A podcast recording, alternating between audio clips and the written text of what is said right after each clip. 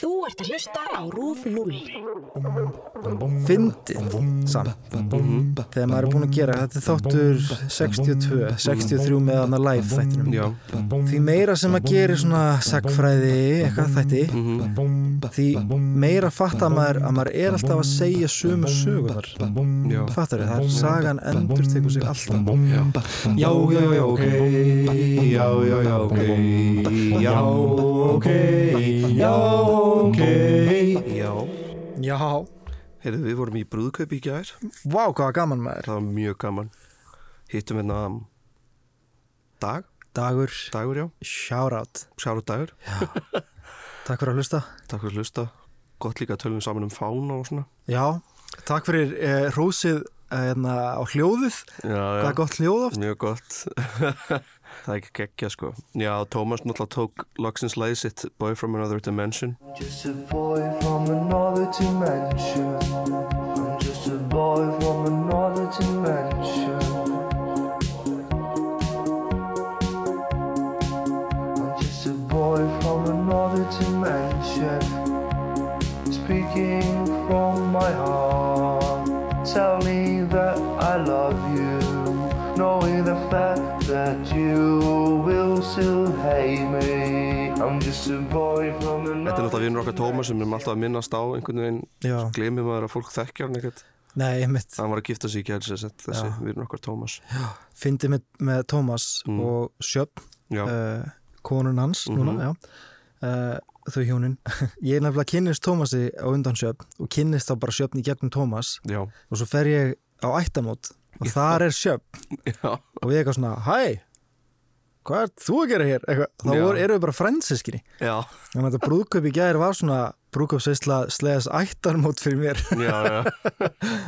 Já, algjörlega, já, Já, Þess vegna sá ég svona oft verið að tala við alla fullorna já, Jésús.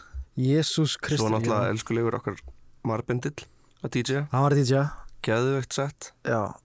geðveikt sett. Er Ég var mjög góður. sáttur Sjátt á hann sko. Já, Klikkar DJ. Besti DJ Reykjavíkur. Má segja þetta, má segja þetta í reglum rúf.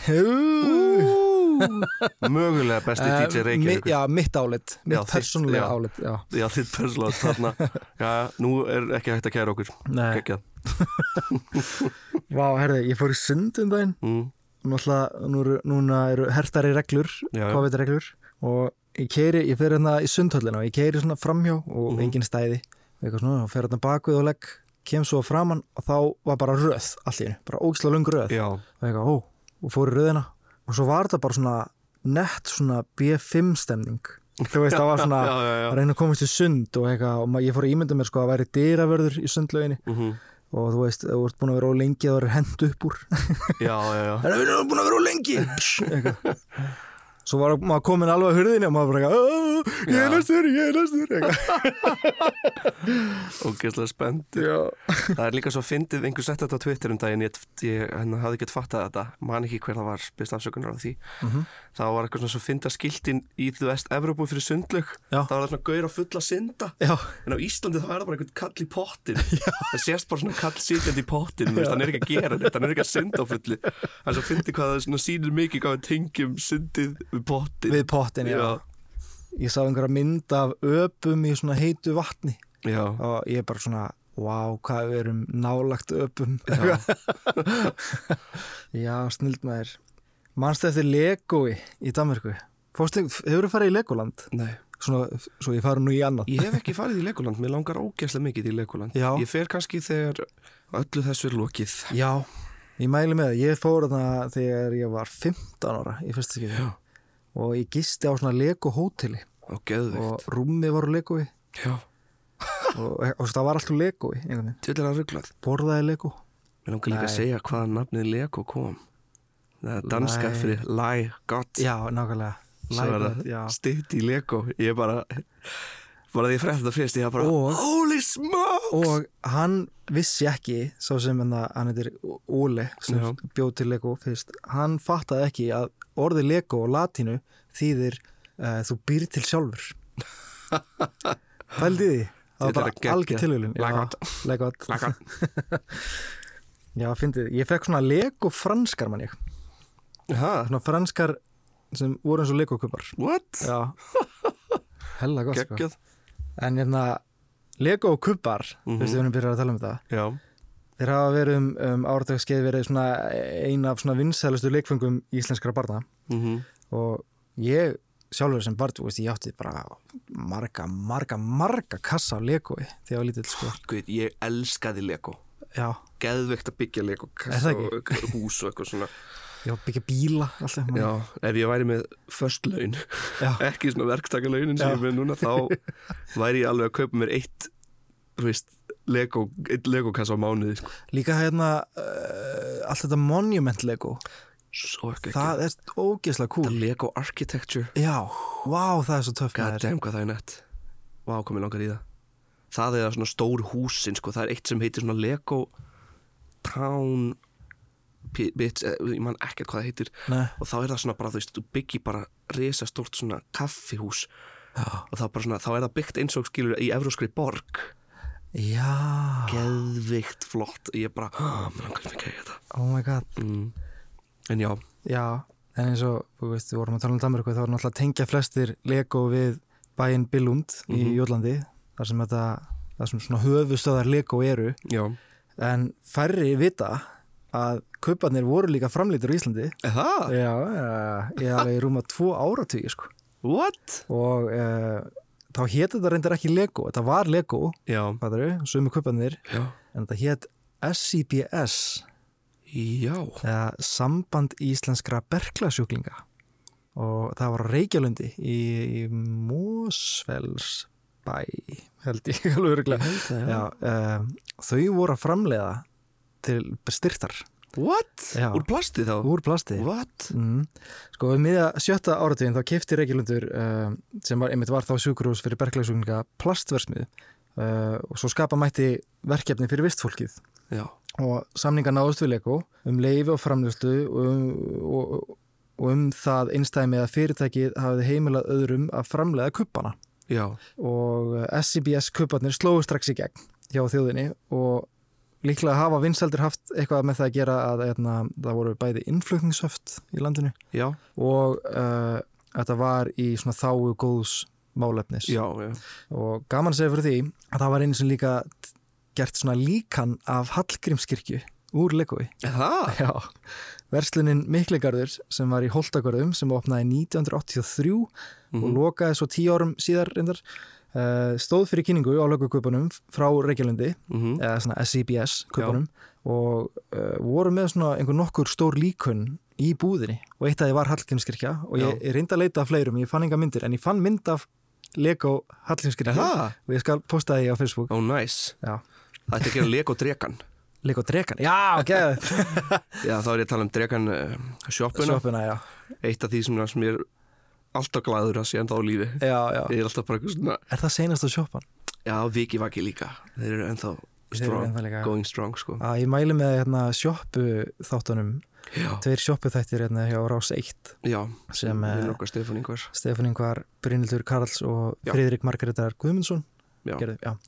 já, þeir eru náttúrulega æðislegir. Já, þeir eru gera sjoppur, elsku sjoppunar ég mæli líka með að fólk vestli ég veit ekki, kannski kom, kemst ég vandræði fyrir þessu. Já, það er mitt persóna álit Já. mæli ég að fólk versli við litlu sjoppunar í Reykjavík til þess að styðja í bakið á þeim. Já, bara, og veist, í öllu svona bara alltaf að styðja litlanga en sko. já, algjörlega. En fyndið með legoið, sko. Mm. allir, allir við megum þakka berglagsjúklingum fyrir að við höfum lego á Íslandi? Allavega að hluta til. Já, myndi ég nú segja kannski, ég veit það, ég veit það, ég er bara að segja eitthvað svona ég, ég er bara að segja, ég er bara en Nei, það er mjög alvarlegur sjúkdómur já, eh, sem berst mann á milli með loftbornu smiti eða öndunafæri. Þaðan berst hún um líkamann og með blóðrásinni og getur hreyðrað um sig í ýmsum líffærum. Sýking í lungum er algengust en bakterían getur einnig lagst á önnu líffæri eins og nýru, miðtögakerfið og bein. Talið er að 10% þeirra sem smiti fái sjúkdóm með virkri berklæsingu á fyrstu tveim árunum eftir smitt.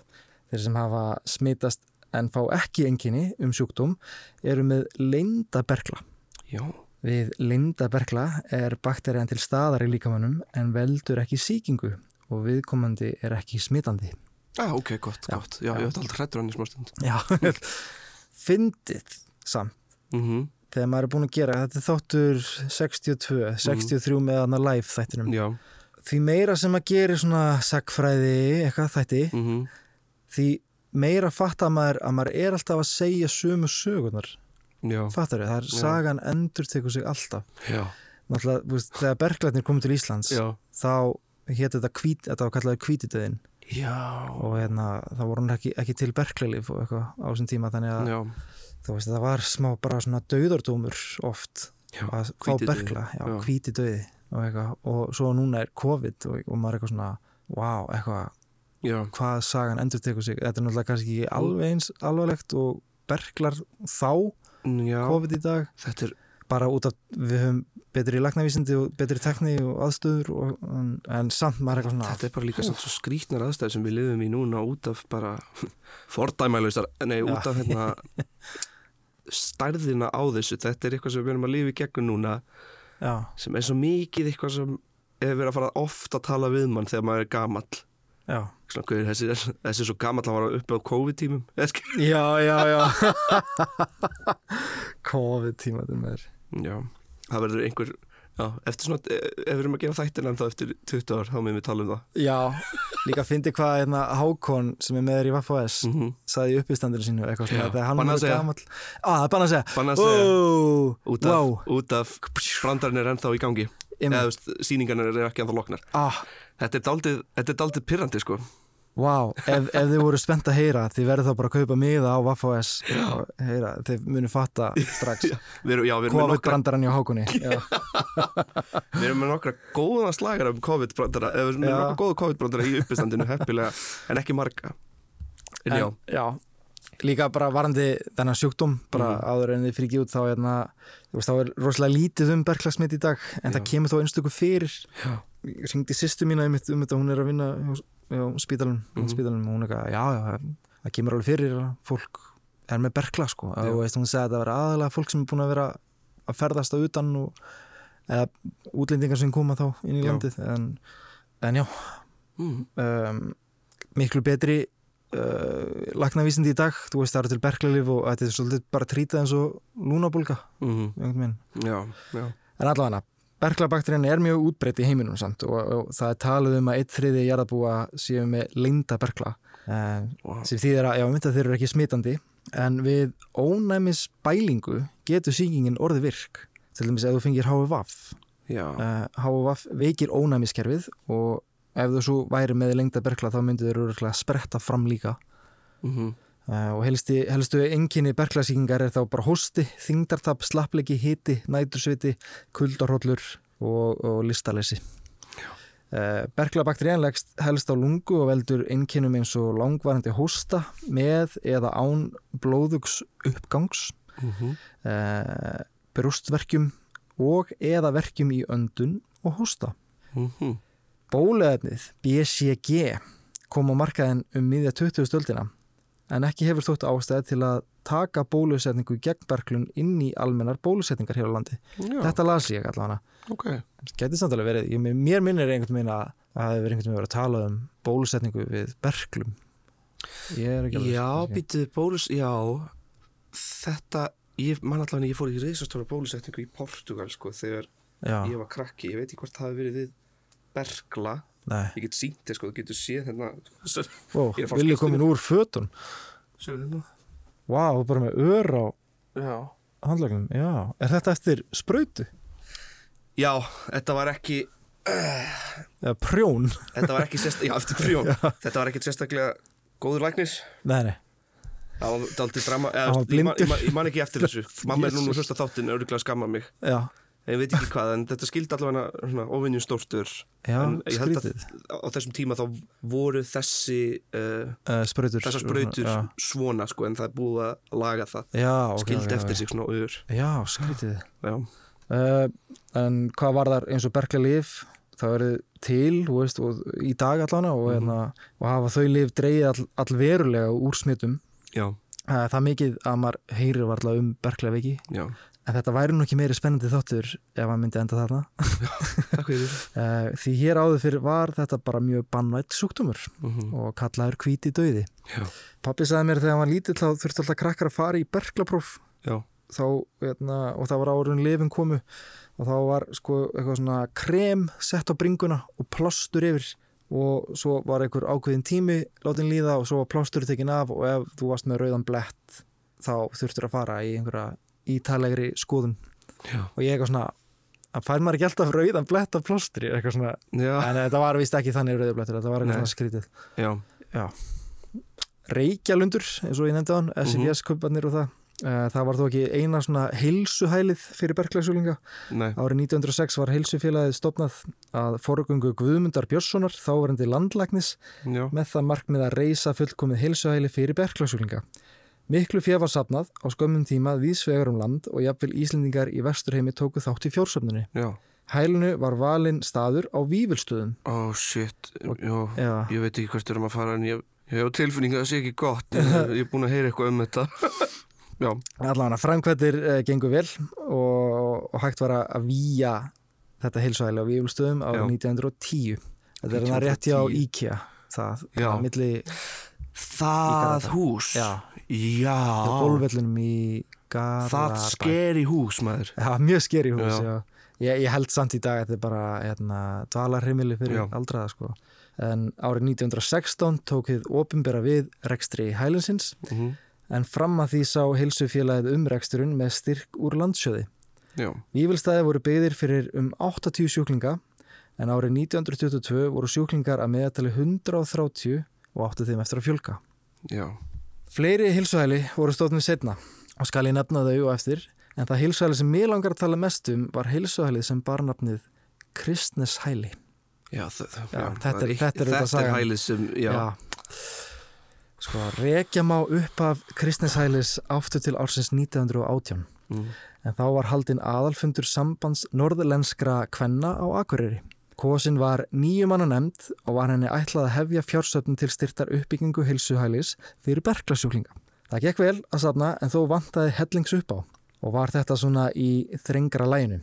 Það var enn langt í land hvað var þar að fjármagna þessi byggingu uh, og þrátt fyrir áfangasegur með tilkomu Vívilstaðahælis virtist útbreðsla sjúkdómsins aukast. Um áramóti 1919 vorum 110 berglagsjúlingar skráður á Akureyra héræði, bara þar mhm, og hafði þeim fjölga frá 41 árun á undan. Umræðin um mikilvægi þess að byggja heilsuhæli á Norðurlandi varð hávarri. mhm, Ára 1920 voru 120 skráðir berglagsjúlingar á Akureyra héræði. já, Hvað var það landvísu þá höfðu 196 látið lífið á við hverja 100.000 íbúa wow, stóð, já. Á þessum tíma var til milliþingsnemnd sem bar nafnið Berklaveikisnemndin. wow, Hún var skipið af þeim Guðmundur Magnúsinni, professor, Magnús Pétursinni héraslagni og alþingismanni og Sigurði Magnúsinni lækni á Vívilstaðhæli. mhm, Afrækstu þeirra vinnu voru ný lög um berklavarnir. Berklavandamál voru tekin fastri tökum en áður uh, hafði tíðkast enda full ástæði til. mhm, Til að gera langa sögu stutta þá voru þetta eiginlega bara einn stór vonbriði. já, Þar sem bergleif voru ekki til þá þurftu einhvern veginn að, einangra sjúklinga á sama tíma og að hjúkra þeim og því miður voru önnur hilsuhæli bara að springa að því það var svo mikið um bergleifsmitt. já, Einn byrtingamind þess vandamáls sem ríkti var að hópur ungs fólks uh, var að útskrifast af vývilstöðum án þess að hafa hlotið fullan bata. Jepp. Plus að þó þetta var veist, ríkisregið og styrt af, af landsbyðinni þá var mjög dýrt að fá bergla og fólk bjó við mjög erfiðan efnahag og var oft talað um að fólk bara átt ekki pening uh, eins og peninga bara væri ekki í gangi á þessum tíma var sagt. um, Uh, fólk gerði ekki annað en að vinna sér til hnífs og skeiðar. Og, hérna, og þótti bara mjög gott að geta það. Já, Söfnunin fyrir heilsuhæli á Norrlandi gekk illa. Þetta var hápólitíst og voru jafnvel margar evasendarættir um þetta allt. Já, efasemdarættir Já. um að byggja upp, já, bara um að hvort að þyrti berkla hæli Haldið það. Fyrst ekki, fyndi hvað sagan endur já. sig? Jésús þetta er bara sama, þú veist sama með, þú veist, grímulösa fólkið og anti-vaxxers og allt. Já, allt, alltaf það sama árið 1921 var reistur sumarskóli í Vaglaskói mhm, fyrir fimm berglavika unglingspilta frá sjúkurúsinu á Akureyri. Hugmyndin var að þeir gáttu dvalið þar og unni létt störfa meðan, meðal annars að gæta gróðurastöðarinnar og vökva plöntur. ok, ok Það var, það var bara verið að einungra vikt fólk, basically, frá samfélaginu. Uh, sá sem áttu hugmyndina þessu hétt Steingrimur og var læknir á þeim tíma. mm Eitt piltana sem dvöldu í skálunum hafði komið til hans og útskipt fyrir honum hversu dapir þeir væru yfir þessum hlutskiptum þeirra og spurði hvort að þeir mætti ekki bara flytja út í skó og búa bara í tjaldi í staðinn fjarrri fólki og fjarrri svona hverstagsleiri tilveru Oh skála í vaklaskói Já, ríkalegt vá. Og veist, það var bara í stil bara að vera eitthvað svona að nýta sjúklinga Hversu ömulegar aðstæður samt vinnu, þarf samt að vera í þess að grátt byggja um að fá að búa í tjaldi út í skógi. Ef þú ert með berkla eða skilur, þú ert með berkla en þú kýst samt frekar að búa í tjaldi búið út í tjaldi í staðan fyrir að vera í einhverjum sjúkraskála Já, og þurfa að vöka plöntur eða veist það, er voru, það voru nefnilega ekki allir sáttir með uppátæki Steingríms að byggja hennar skóla mm uh, og, og bara svona heilsu hælis málum hans bara almennt einhvern veginn. já. Þó fekk skálinn að standa. Sumir eftir döldu fimm berklaða veikar stúlkur í skálunum í rúma tvo mánuði þar sem þær nutu aðhlýningar hjúgrunanema frá sjúkurusinu á Akureyri. Skálinn var í nótkun næstu árin. Greinar um hlutskipti berklagsjúklinga kom í blöðunum um haustið. Útskrifaðir sjúklingar frá vífilstöðum byrtu harð orðar greinar þar sem þeir fóru uh, óblíðnum höndum um starfsfólk mm og aðbúnað sjúklinga. Við matnum uh, sem þau töldu ekki bóðlegan og söguðu lækni og yfir hjúgrunarkonu um hranalega og ónærgætna framkomu. Já, meira veit ég ekki um það það er bara svona ok. það sem ég heyrði árið 1923 voru 101 berglasjúklingar skráður á Akureyri og þá bara á Akureyri 69 með lúnaberkla og 32 með berkla annars þar í líkamannum 20 letu lífið ekkert heyrðist af söfnuninni. Árslók 1924 voru 141 sjúklingar skráður með berkla á Akureyri voru 131 skráður með berkla og 25 döðsföll Mm. Árið 1925 hófst á því að maður að nafni Jónas Jónsson frá Hriblu sem var kvatmaður þess að hæli risi á Norðurlandi ringdi í Jónas Þorbergsson sem var þá rétstjóri blaðsins Dags. Hann kvatti nafna sinn til að hefja átak, samena áhuga menn nær og fjær um álið og setja meira púður í söfnununa. Já, Hann gerir það og bóða var til fundar á Akureyri, nokkrir mættu og var Hilsu Hælis félag Norðurlands stopnað. mm Og þegar ég segi nokkrir mættu, þá meina ég 340 manns mættu. Uh, meiri peningu safnaðist en þó ekki nóg. Unnu nú allir að því að fá ríkisvaldi til að leggja sitt fram og hefja framkvæmdir við byggingu hilsuælis. Landlagnir og húsasmiðamestir ríkisins komu norður voruð 1925 og var þá ákveðið að hilsuhælið skildi reist á landnámsjörð Helga Magra við Kristnes, eða að Kristnesi. fyrir já, Kristnes er nýju kilometra innan við Akureyri. Þann 1. november árið eh, 1927 var heilsuhæli Norðurlands víkt af heilbyrðistaráðara og komu um 400 manns í uh, víksluháttíðina. Tók ríkistjórnin þegar við rekstri þess. Húsi var mjög vandað að allri gerð. Úr steinsteipu, tvær hæðir, kjallari og ris. Húsbúnaðar var allur vandaður, golf vel gerð, stigar og hvítum marmara og borðstofu og dagstofu húsgögn voru bónuð, uh, úr bónuðu byrki. mhm, Grunnflötur húsins var 480 fermetrar. Fyrsti yfirlagnir kristnesælis var Jónas Jóð uh, Rafnar. Fljótlega eftir vikslu var hælur orðið fullsetið af sjúklingum. já, þetta Sorry, ég að spyrja út þetta Húsasmíða mestari ríkisins Já Þú veit það crazy Það er crazy. vinnunafn. Já, Sturlað afsakið, ef við tölum á góður íslensku já. Þetta er að. Er, það, Atvinnunafn er það há íslenskt orð? Sturla. Sturlað Sturlað. Mér finnst það Er það komið að einhver maður sem heit Sturla var Sturlað alveg crazy? Já, Það var hörðu, við var höfum sturlað. höfum í gæru af podcasti Já. Af hverju heita hluti Já, ef Já. feitan Johnson eða með Blett undir. blett undir handakriganum uh, að fá eitt ragnar ef þú ert var það ekki, að fá eitt ragnar eða blöytur í efriförun Það getur verið. Svona sveittur efurinn. Já, sveittur á efriförun Já, og svo líka þú ert að taka tóbak í nefið Já, og það setur svona í skekkinu Já. þá ertu með Magnús. Já, með Magnús, já. Vá, fólk má endilega koma með fleiri svona, já. Já, já þetta er áhugavert. Mm En já, húsið er þarna reist. Já, húsið er hann reist, já, Já, 480 og bara fagnaðalæti ógislega flott hús og Mhm. maður heldur einhvern veginn að sagan endi vel Þarna. En uh, já, uh, loksins var komið stærra húsnæði fyrir berglasjúklinga. Mhm. En við skulum ekki gleyma að þetta var bannvætt sjúkdómur, Mhm. Mjög smitandi og lítið sem engin úrræði við því. Líkurnar að þú myndir deyja þessum tíma ef berglar ná fótföstu í lungum voru nefnilega bara ágætlega háar.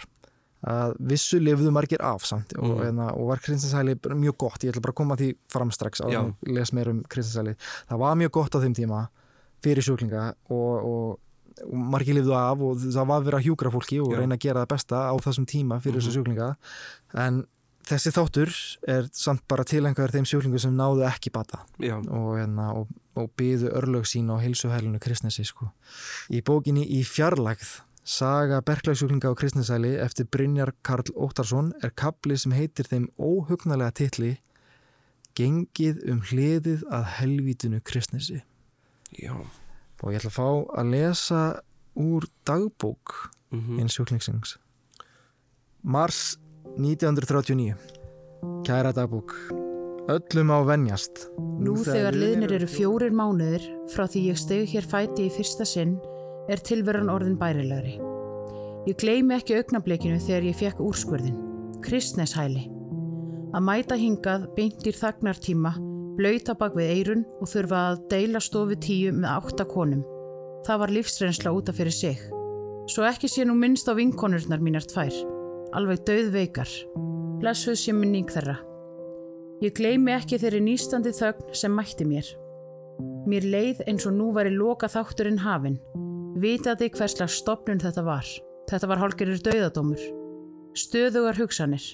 Nei, ég slepp ekki lifandi hérðan. Ég slepp ekki lifandi hérðan. Blessunulega var ég ekki lengi á stofu tíu. En dvölin hér fyrir batnandi. Ég er að vona að ég verði hitalus næsta halva mánuðin og fái þá að klæða mig svolítið. En það er nú ekki víst. Sumir fá að byrja að klæða sig þegar þeir eru búin að vera hitalusir í hálfan mánuð. Mér bráð þó í morgun þegar ég fekk fréttinnar af ungu bræðrunum tveimur úr húnavatsíslu. Þeir dói báðir í nótt. Þeir voru um tvítugt. Hinir sem eftir lifa á fjögur eru mestu aumingjar. Sigga heimsótti mig í dag.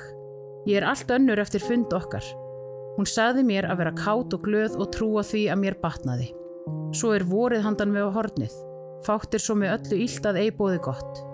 Hér er önnu frásagn úr annar dagbók Mhm. frá öðrum sjúklingi Ekki reiknaði ég með að lenda á á Kristneshæli. kristneshæli þegar ég heimsótti sjúkan frænda minn meðan hann dvaldist hér sjálfur sem sjúklingur. Þar er nú sennilega komin ástæða fyrir veru minni hér. Ég spjallaði við ungan mann í dag meðan við lágum út í skála. Hann saðist vera nýkominn. Hann var niðurlútur og dapur í bræði. Ég reyndi að slá á létta strengi og telja í hann kjark. Ég sagði honum að hér væru margir á okkar reiki og margt við að vera.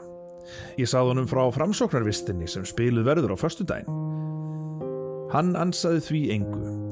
Hann sagði kristneshæli ömurlegan stað, þaðan sem enginn ætti aftur kvæmt, hvort sem þeir væru ungir eða gamlir. Vist hérna væri dauðadómur í hans augum. Bróðir hans væri skýrt dæmi um það. Hann útskýri það ekki frekar. Á stundum sem þessum er maður myndur á mismunandi hugmyndir um þennan stað. Þarna lágum við saman, ungir menn og ódöðlegir, báðir haft kynni af hælinu áður en við komum hingað, en upplifunin ólík. Mér tókst ekki að telja kjark í þennan nýja samferðamann minn. Þessi stað sannfærðist ég enn frekar um markmið mín. Það þýðir ekkert að vera með eitthvað vol. Ég skal komast hérðan út, þótt síðar verði. Sko, ok uh, eins og ég nefndi í þættinu hérna Blómi og Óskar uh, þá var meðferð við berglunum nefnilega alls ekkit ánægileg um, það var oft talað um að sjúklingar væru teknir úr umferð mhm, og, og, hérna, og til þess voru hælin að, taka fólk úr umferð einangraðum frá uh, almenning og, og líka bara svo að smitin myndu minka og eftir það þurfti einhvern veginn að stoppa líka útbreyslu bergla í líkamannum á vísindavefnum stendur í venjulega ástandi eru lungun loftfyllt en tæmist lunga af lofti þá skreppur það saman eins og bladra þegar loft uh, fer úr henni. Er þá gjarnan talað um samfalli lunga.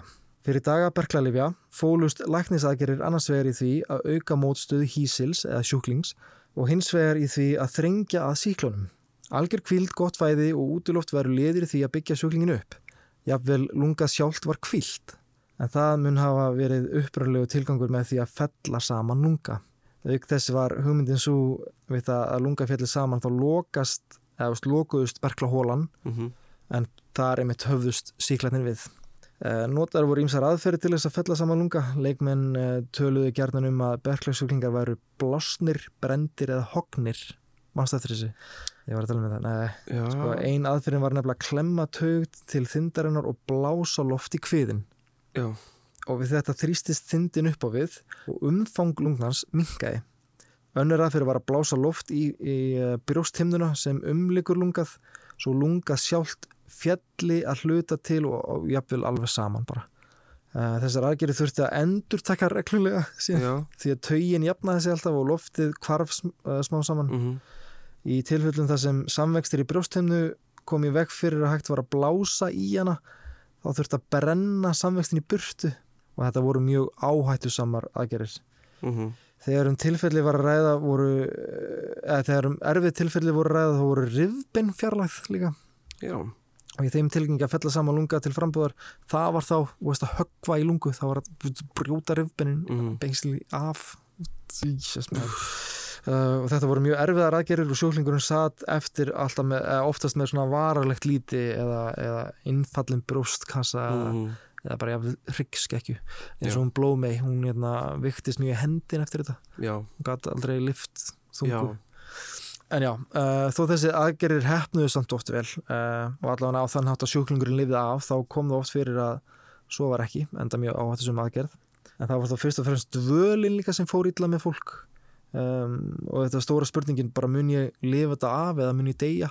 Dvölin gæti líka reynst mörgum mjög löng og var fólk ekki viss hvernig það myndi fá að sjá ástvinni sín aftur. mhm, Uh, og einn af þeim sem er oft nefndir í þáttum hjá okkur því að hann- hann er bara búin að vera allstaðar og búin að búi í, að lifa í 200 ár. Mhm, uh, kemur einmitt við sögu Kristnesælis en það er hann Ómar Ragnarsson. Yes, Mættur. Hann er mættur áttur en í þetta skipti er hann mjög ungur. Já, uh, hann er þryggjára já, og móður hans greinist með berkla og hún var flutt á Vífilstæði og fór hann í fóstu til afasins og ömmu og þingeri á meðan. En uh, fjölskyldan hans bjó á Ísafrið á þessum tíma. Lýsti hann þó yfir því að faðir hans hefði ekki komist að heimsækja konuna sína þegar hún var uh, send norðu til Akureyrar í hogningu, eða veist, láta högva, mhm, högningu, já, fyrir ekki. já, Um, því engar samgöngur voru í bóðið á þessum tíma líka. já, Eftir högninguna dvaldist honum tíma á Kristnarsæli til að jafna sig eftir aðgerðina. Móður hans stóð í sínu veikindum um sjö ára skeið og sá Ólafur Ragnar hana fjórum eða fimm sinnum á þeim tíma.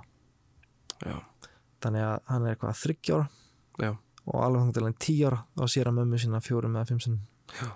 Hafði hann eftir konu sem eh, með henni var á víflstöðum að hún hefði oft talað um drengin sinn þegar þær tóku tal saman um kvöldin. mhm, Nefndi Ómar Ragnar að erfitt var að gera sér í hugulund líða þess fólk sem fekk berkla. já, Það glýmdi við líkamlega veikindi, hafði lítil samskipti við ástfinni sína og, og horfði upp á sjúklingana að falla eina af öðrum og allt umlikjandi óvissan um hver er þið næstur líka. Andlega líðan hefði því elvest ekki verið upp á marga fiska frekar en svo líkamlega. Nei. Ég ætla að lesa smá meira úr annari dagbókina. mhm, Daglega hefði ég hugsað um niðurstöðuna síðan í heimsótti Steingrim lækni. Smitaðist ég hérna heima? Sótti ég veikina á aðra bæi? Ég man ekki eftir neinum augljósum berklaheimilum hér í grendinni. Hversu lengi þarf að umgangast smitbera til að smitast? Hversu mikið þarf að taka inn af bakteríum til að síkjast? Ómögulegt er að segja nokkuð til um upptekinn. Smitberar er á hverju strái. Hættan er allstaðar. Orðið er hjá Guði og orðið er berklar. Dvöl á hinnu nýreista kristneshæli liggur í orðsins hljóðan. Ég finn hvernig byrðarnar þingjast og ég dreg þar á eftir mér hvert sem ég fer. Nú skulu allar hugrinningar um liðna tíð með blóm í haga og sól í sinni víkja fyrir óhaganlegum og ísköldum veruleikanum. Smitandi berklar og ekki um annað að ræðan að fara í einangrun á berklahæli. Ég get ekki sagt að niðurstaðan hafi komið mér á óvart eftir allt sem á undan er gengið. Lasleiki og slen, langvarandi kvef sem lagaðist ekki og hitaslæðingur. Á stundum nætursviti og listarleysi. Auðvitað vonaði ég þið besta en reiknaði sannleika sagt með hinnu versta. Ég neitaði að horfast í augu við augljós enkenni. Sumir verða ósksinni, ég tilher ekki þeim hópi. Hver er ég svo sem, hvorki verður ég að hljóta slík örlög nýja losna undan þeim? Ég get þakka mínum sæla fyrir að eiga þess kost að leggjast inn á hæli og eiga vonum bata. Ekki auðnaðist ástuheitlinni að sjá hælið rísa og fá þar þá aðlýningu sem hún þráði svo heitt. Berklarnir voru fyrri til. Trifsuði hana frá eiginmanni og fimm börnum. Það var hennar dómur. Blessuð sé minningin. Þessi er vist lífsins gangur og undan því verður ekki skorist. Kristneshæli er minn dómur. Musteri dauðans. Og nú er bara að býða og sjá hvort ég verði í hópi frjálsra eða fegra. Ég finn aðeins dofa. Ég veit ekki hvað ég á af mér að gera. Hvers konar staður er kristneshæli? Gríðastaður þar sem kvítklættar verur í mannslíki bjóða henni illræmdu tæringu byrgin og vinna sigur eða byðstofa dauðans þar sem maður með ljáinn hlærað örvendingar fullri tilrönd Davids í baráttinni við Góliat. Ég veit ekki. Ég veit ekki neitt. Eru sögurnar sem ganga um bæinn sannar? Einu sögurnar sem hægt er að trista eru fréttirnar í blöðunum og þær eru ekki upplýfgandi. Ég las tilkynningu í degi ekki fyrir svo löngu að þyrsti sjúklingurinn hefði andast. Nú sé ég í blöðunum frásögn af bónda sinni úr grítubakkarheppi, rúmlega tvítugum. Hann dvaldist um skeið á kristneshæli en var komin heim. Svo sögurnar eru kannski ekki allar sannar þegar allt kemur til alls. Nema hvað? Bóndasónurinn er látin. Hann fekk influensu og þoldi ekki áfallið. Hinn efnilegasti og vinsalasti piltur er sagt. Þess á milli byrtist frétt um skemmtilega tónleika Bernburg og hljómsveitar á Kristinshæli í síðustu vöku. Er hælið kannski einmitt svona? Staður mikill að andstaðina. Dauði, gleði og svo aftur dauði. Það er alltaf hlýtur að vera algjörst helviti sko að sitja inn og velta fyrir sér hvernig maður kom sér í þessari stöðu. eða, Já. Þessar dagbækur eru líka svo rosalegar sko, frá sjúklingunum. Mhm. og veist, það er eh, einu viðbótina. Ok, eftir að hafa fengið loksins leifi til þess að mega heldur eða fimmkalli í venjulega fólksflutningabifriðin sjúkrabíl og vera fluttur eins og lifandi nár þá klætti ég mig í fött og týndi saman hafurtask mitt með þeim flíti sem veikum manni er gefin kvatti síðan húsmóður mína á Hamarstíg 8 leitt einu sinni yfir herbeggi mitt herbergið sem ég hafði dvalið í 8 mánuði svona er kveðjustundin þegar um er að ræða húsnæði eða staði þar sem maður hefur dvalið. Á tröppunum stóðu mennirnir sem ætluð að fylgja mér inn í hinn nýja kapitula lífsmíns. Það voru þeir Ásgeir Markusson frá Ólafsdal og forstöðumaður barnaskólans í Grímsey minn gamli vinur og bekkjabróðir Gauti Hannesson frá Hleiðargarði í Eyjafyrði. Við stigum inn í bílinn og hann rann af stað, AK-25 frá BSA. Við ókum gegnum höfustað Norðurlands, fram hjá hraustu, brosandi fólki. Aldrei hafði ég tekið eftir því fyrr hvað hraust fólk var hamingjusamt. Viðhorf mannsins til hinna ímsu fyrirbrigða lífsins breytast eftir því hvaða sál hans og líka með er. Maðurinn dáir og tilbyður mest það sem hann getur ekki notið. Það er sárasta lögum á lífsins. Við töluðum fátt og innan stundar vorum við á leiðarenda. Fyrir framann mig reis höllin sem átti að hýsa mig næstu vikur eða mánuði. Ég borga bílinn, hveð félaga mína og fylgi leiðsögn ungra stúlku að stofu þrjú. Það er mitt væntanlega heimili. sko, hugmyndunum um viðskilnað við fjölskylduna reyndist mörgum erfið mm. ungmenni í, í tilhugalífinu voru skilnað, börn sá eftir fóruldru sinum og öfugt. Á nokkurs fyrir var að var makin horfin Mm sjúklingar að norðan voru sendir frá vífulstöðum þegar kristnisæli tók til starfa. Fleiri hæli voru reynda reist eins og Kópavókshæli en sjúklingar voru reynda fluttir það líka bara norður eftir að breski herin tók sjúkrabingar í Reykjavík uh, til afnóta mm Óktober 1949 Kæra dagbók. Dagbók. Mér finnst tíminn standa í stað. Ég er búin að vera hérna í viku.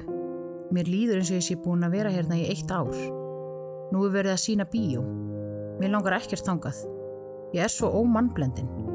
Mér finnst svo leiðinlegt að fara á sloppnum þangað og vera innan um allt þetta fólk. Það eru sára fáir sem ég þekki ennþá. Ég hugsa enn um Pálinu gamlu. Þetta situr í mér. Mér skilst að hér sé svonalega daglegt brauð. Ég er farin að kynnast hinum herbergisfélagunum mínum fjórum. Klara er, eins og ég, aðeins búin að vera hérna í stuttan tíma. Hún er á legu er nýlega komin úr högningu. Saumarnir voru teknir úr henni á Akureyri og í kjölfarið fór að blæða. Hún fekk síkingu. Hún er öll ryrð og vafin. Við rettum lengi saman í gerkvöld um lífið og tilverana. Ef ég skil hana rétt verðum við orðna sex aftur fyrir en varir. Ég sagði þeim frá áhugjum mínum, hversu erfitt það væri að fara heiman frá fjölskyldunni og byrja á því að sjá eina úr hópnum vera flutta í einangrun til þess eins að deyja. Þá reys svo gamla upp úr rúmi sínu og sagði Svona vina, þetta er erfiðast fyrstu tvö árin. Mér þykir ekki beint huggun að heyra að ástandið skáni eftir tvö ár. Á stundum sem þessum sér maður hvað lífið er óútreiknanlegt. Ég sakna þess sem var. Ég sakna ykkar. Ég er alltaf heima með ykkur á nóttunni.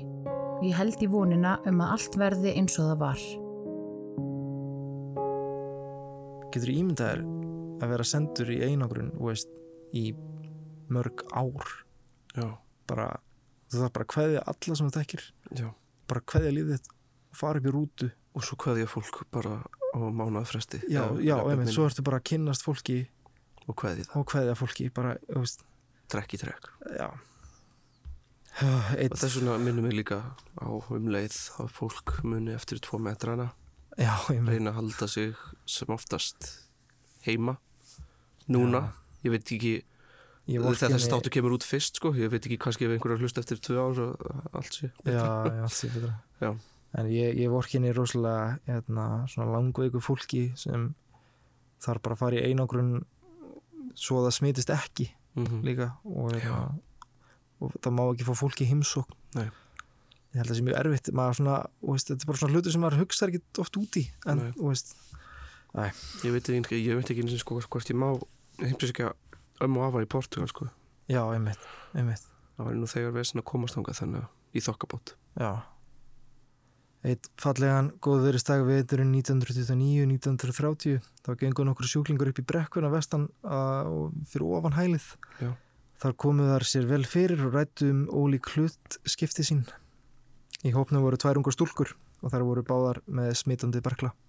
Einn úr hópnum lísti yfir bjart sinni með bat á horfur sínar en þá sagði önnur stúlkan Mér batnar aldrei. Ég er döðadæmt og að svo mæltu brástunni grát. Hún talaði um sískinni sín, foreldra og unnustafum leið og hún reyndi að þerra tárin með vasaklút. Á samt tárum uh, rann blóð úr andlutinu á henni. Hún bara var hann það veik. Ekki leið ár áður en stúlkuna tvær voru báðar borðin til grafar.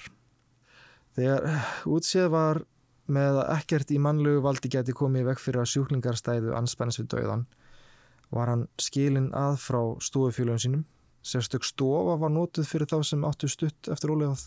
Mm. Þannig voru þeir fluttið til að mæta örlögum sínum. Stofan gekk undir nafninu Einangrunin. Mm Á stundum náði stofan ekki einu svona hýsa allan þann fjölda sjúklinga sem lág á banarleguna. -hmm. Voru því sumir látnir deyja drotni sínum inn á stofunum. Eftir að sjúklingurinn hafði kvart var honum komið fyrir á vagni á hjólum og ekin út á stofinu og inn í líkhúsi þar sem að hjúgrónakonur veittu honum hinstu þjónustu.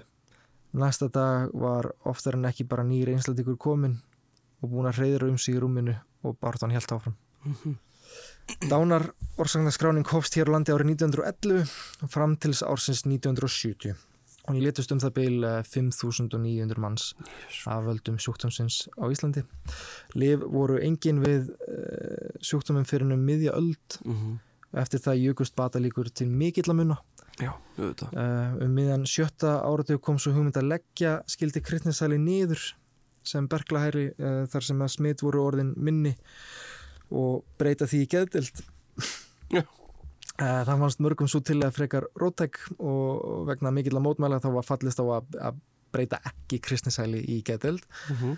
En það var þó bætt við deild sem var bara svona fyrir lang, langdvalar sjúklinga til að gera aftur langarsögu stutta þá bara árið 1976 uh, var svo Kristinsæli breytt í hjúkurunar og endurhæfingarspítala Já. Þar með var síðasti naglinn rekin í líkjustuna hinnar uh, upphaflegu hugmyndar um heilsuhæli Norðurlands fyrir berglasjúklinga að Kristnesi. Mhm. Engin berglasjúklingu var lagður inn á árunu og bergladeildin lögð niður. Ok. Fyrir nokkrum árum ákvað leikonan og frumkvöldin Marja Pálsdóttir að láta skara skrýða og endur byggja upp kristnisælið sem sögusettur og fjallum sögu berglana. Já. Berglum hefur ekki verið gert hátt undir höfði og eru kannski í hugum flestara erfðir einslað sem best var að gleyma. Mhm. Marja sem rekur hælið telur hins vegar mikilvægt að minnast þeirra sem glimdu við sjúkdóminn og að berglandir séu jafn mikilvægur hlutur í sögu þjóðurinnar eins og bara móðurharendin eða hernámið til dæmis. Algjörlega. Ég mæli eindreið að fólk kynni sér þetta því þetta, þetta er bara með því sniðura sem ég bara séð einhvern gera Mhm. að opna svona sögusettur og síningu um bergla Algjörlega. uh, algjör snildar hugmynd hjá henni Marju um, og það er hægt að skoða þetta nánar til með svo Facebook síður þeirra. Hælið setur um sögu berglana Frábært. og ég skal bara deila linkin á, inn á hérna, síðuna hjá okkur. Uh, ég vil einnig þakka Brynjari Karl Óttarsinni fyrir bókina í fjarlagð saga berglagsugning á Kristnesæli endilega ef þið viljið fræðast meira þá mæli ég bara með þeirri bók. Uh, ég fekk bara flest allar mínar heimildir úr henni Mhm. og eins og ofta var bara brota brota því sem þessi bók hefur að geima og mér langar kannski að lesa eina dagbók í viðbót Mhm. og uh, en, ég held að sé best að enda þáttinn bara á því Já. og bara munum einmitt bara tvekja með reglan munum að spritta okkur og bara nota sápu Mhm. já, bara svona virða Líf annara. líf annara basically, já. Já. Ok, Takk fyrir mig. takk fyrir mig ég er á leiðinni heim Heim í faðm fjölskyldunar. Þar sem menn og málleysingjar una sér við leik og störf með blóm í haga, fjarrri sorg og kvíða. Þegar niðurstaðan lág fyrir og snorri farði mér tíðindin, full fótaferð, hóstar kvorkinni spýtir, engin stingur, kraftar góðir, borðar vel, hitalaus, bati, útskrift. Gat ég með engu móti gert mér í hugarlund hvernig upplifunum yrði. Nú er stundin runnin upp og tilfinningarnar eru ólýsanlegar. Ólýsanlegar í þeim skilningi að nær ógjörlegt er að lýsa slíkum tilfinningum blendnum sem þar eru. Hér er allt með kyrrum kjörum, fáment á hælunu í dag og því kjörnar aðstæður til að láta hugan reyka. Fötin eru komin ofin í tösku, tannburstinn, dagbókin og aðrir fátaklegir hlutir sem hafa fyllt mér síðustu árin. Ég svaf lítið í nótt fyrir tilhlökun og finn jafnvel vott af óróleika. Ég hugsa um örlögin. Örlög allra sem hafa látið lífið í þessu húsi. Örlög allra sem réðust áður en þeir komust hingað. Örlögin mín. Hver verða þau? Hvað tekur nú við? Ég reyna að beina aðteklunni að praktískari atriðum. Það mætti nú alveg kaupa nýja stóla hérna í forstofinni. Allir sér búið að gera við grammafónin. Ég hef kvart alla hér sem standa mér næst, vini og starfsfólk. Ég gerði það snemma í morgun áður en hópurinn lagði upp í sína árlegu skemmtiferð. Áfangastæðurinn var vaglaskóur. Ég get ekki neita því að mér langaði með. Ég sit við gluggan og býð eftir að komast í bæin með rútunni. Hún er ókomin ennþá. Það verða sannilega fáir gestir með henn í dag vegna ferðarinnar í skógin. Úti skín sólin og ljósblár heiminin er alltaf því heiður, nokkrir hvítir skíjanhóðrar á himni. Grasið og trén skarta sínum grænu litum norðan við hælið. Ég róast og brosi í kampin. Sem ég sit í slitnum stólunum kemst ég eitt augnablik til meðvitundar um kaplaskilin sem í þessu augnabliki felst. Ég og svo gott sem aðlegan mín í einni tösku, býðandi eftir rútunni sem markar endalokk slæmakaplans og upphaf nýra ævintýra. Ég skil ekki þessa umræði núna um að leggja hælið niður. Á sama tíma og talaður um að loka kristneshæli er verið að opna risastórt íþróttasvæði í Laugardal í Reykjavík. Mér þykir svona lagað öfugsnúið í meiralagi. Að loka stað sem hefur verið skjól fyrir sjúka og bjarga lífum er mér ekki að skapi. Stað sem er enn að bjarga mannslífum. Musteri lífsins. Rétt eins og íþróttasvæðin í Laugardal er ætlað að gera er kristnes staður þar sem fólk vinnur saman að bættri heilsu, jaft líkamlegri sem andlegri. Ég heyri óminn úr útvarpi frá einni stofunni, ætlaði að sé verið að spila gamlar jazzplötur. Tónlistin svífur með mig aftur til gerkvöldsins þegar ég tók þátt í síðustu kvöldvökunum minni hérna. Eftir síningu stuttmyndar voru skemmtiatriði og svo kaffi á eftir. Dagskráin var snemma á ferð þar sem þurfti að undirbúa ferðina í dag. Taka fram fött, spá í veðurhorfur og útbúa nestið. Þetta er alltaf ákveðin serimónia og skemmtileg. Hjúgrunarkonurnar taka til lirtögið og setja í kassa og allir eru á tánum yfir ferðinni daginn eftir. Fólkið gengur um brósmildra á göngunum. Það liggur alveg í loftinu að eitthvað er um það byrja að fara að gerast. Eftirvæntingin er svo mikil að erfitt er að sopna um kvöldið. Morgunin er tími tilhlökunar, kvöldið er tími minninga og þess á milli er tími til að njóta. Hvað skildu þau vera núna?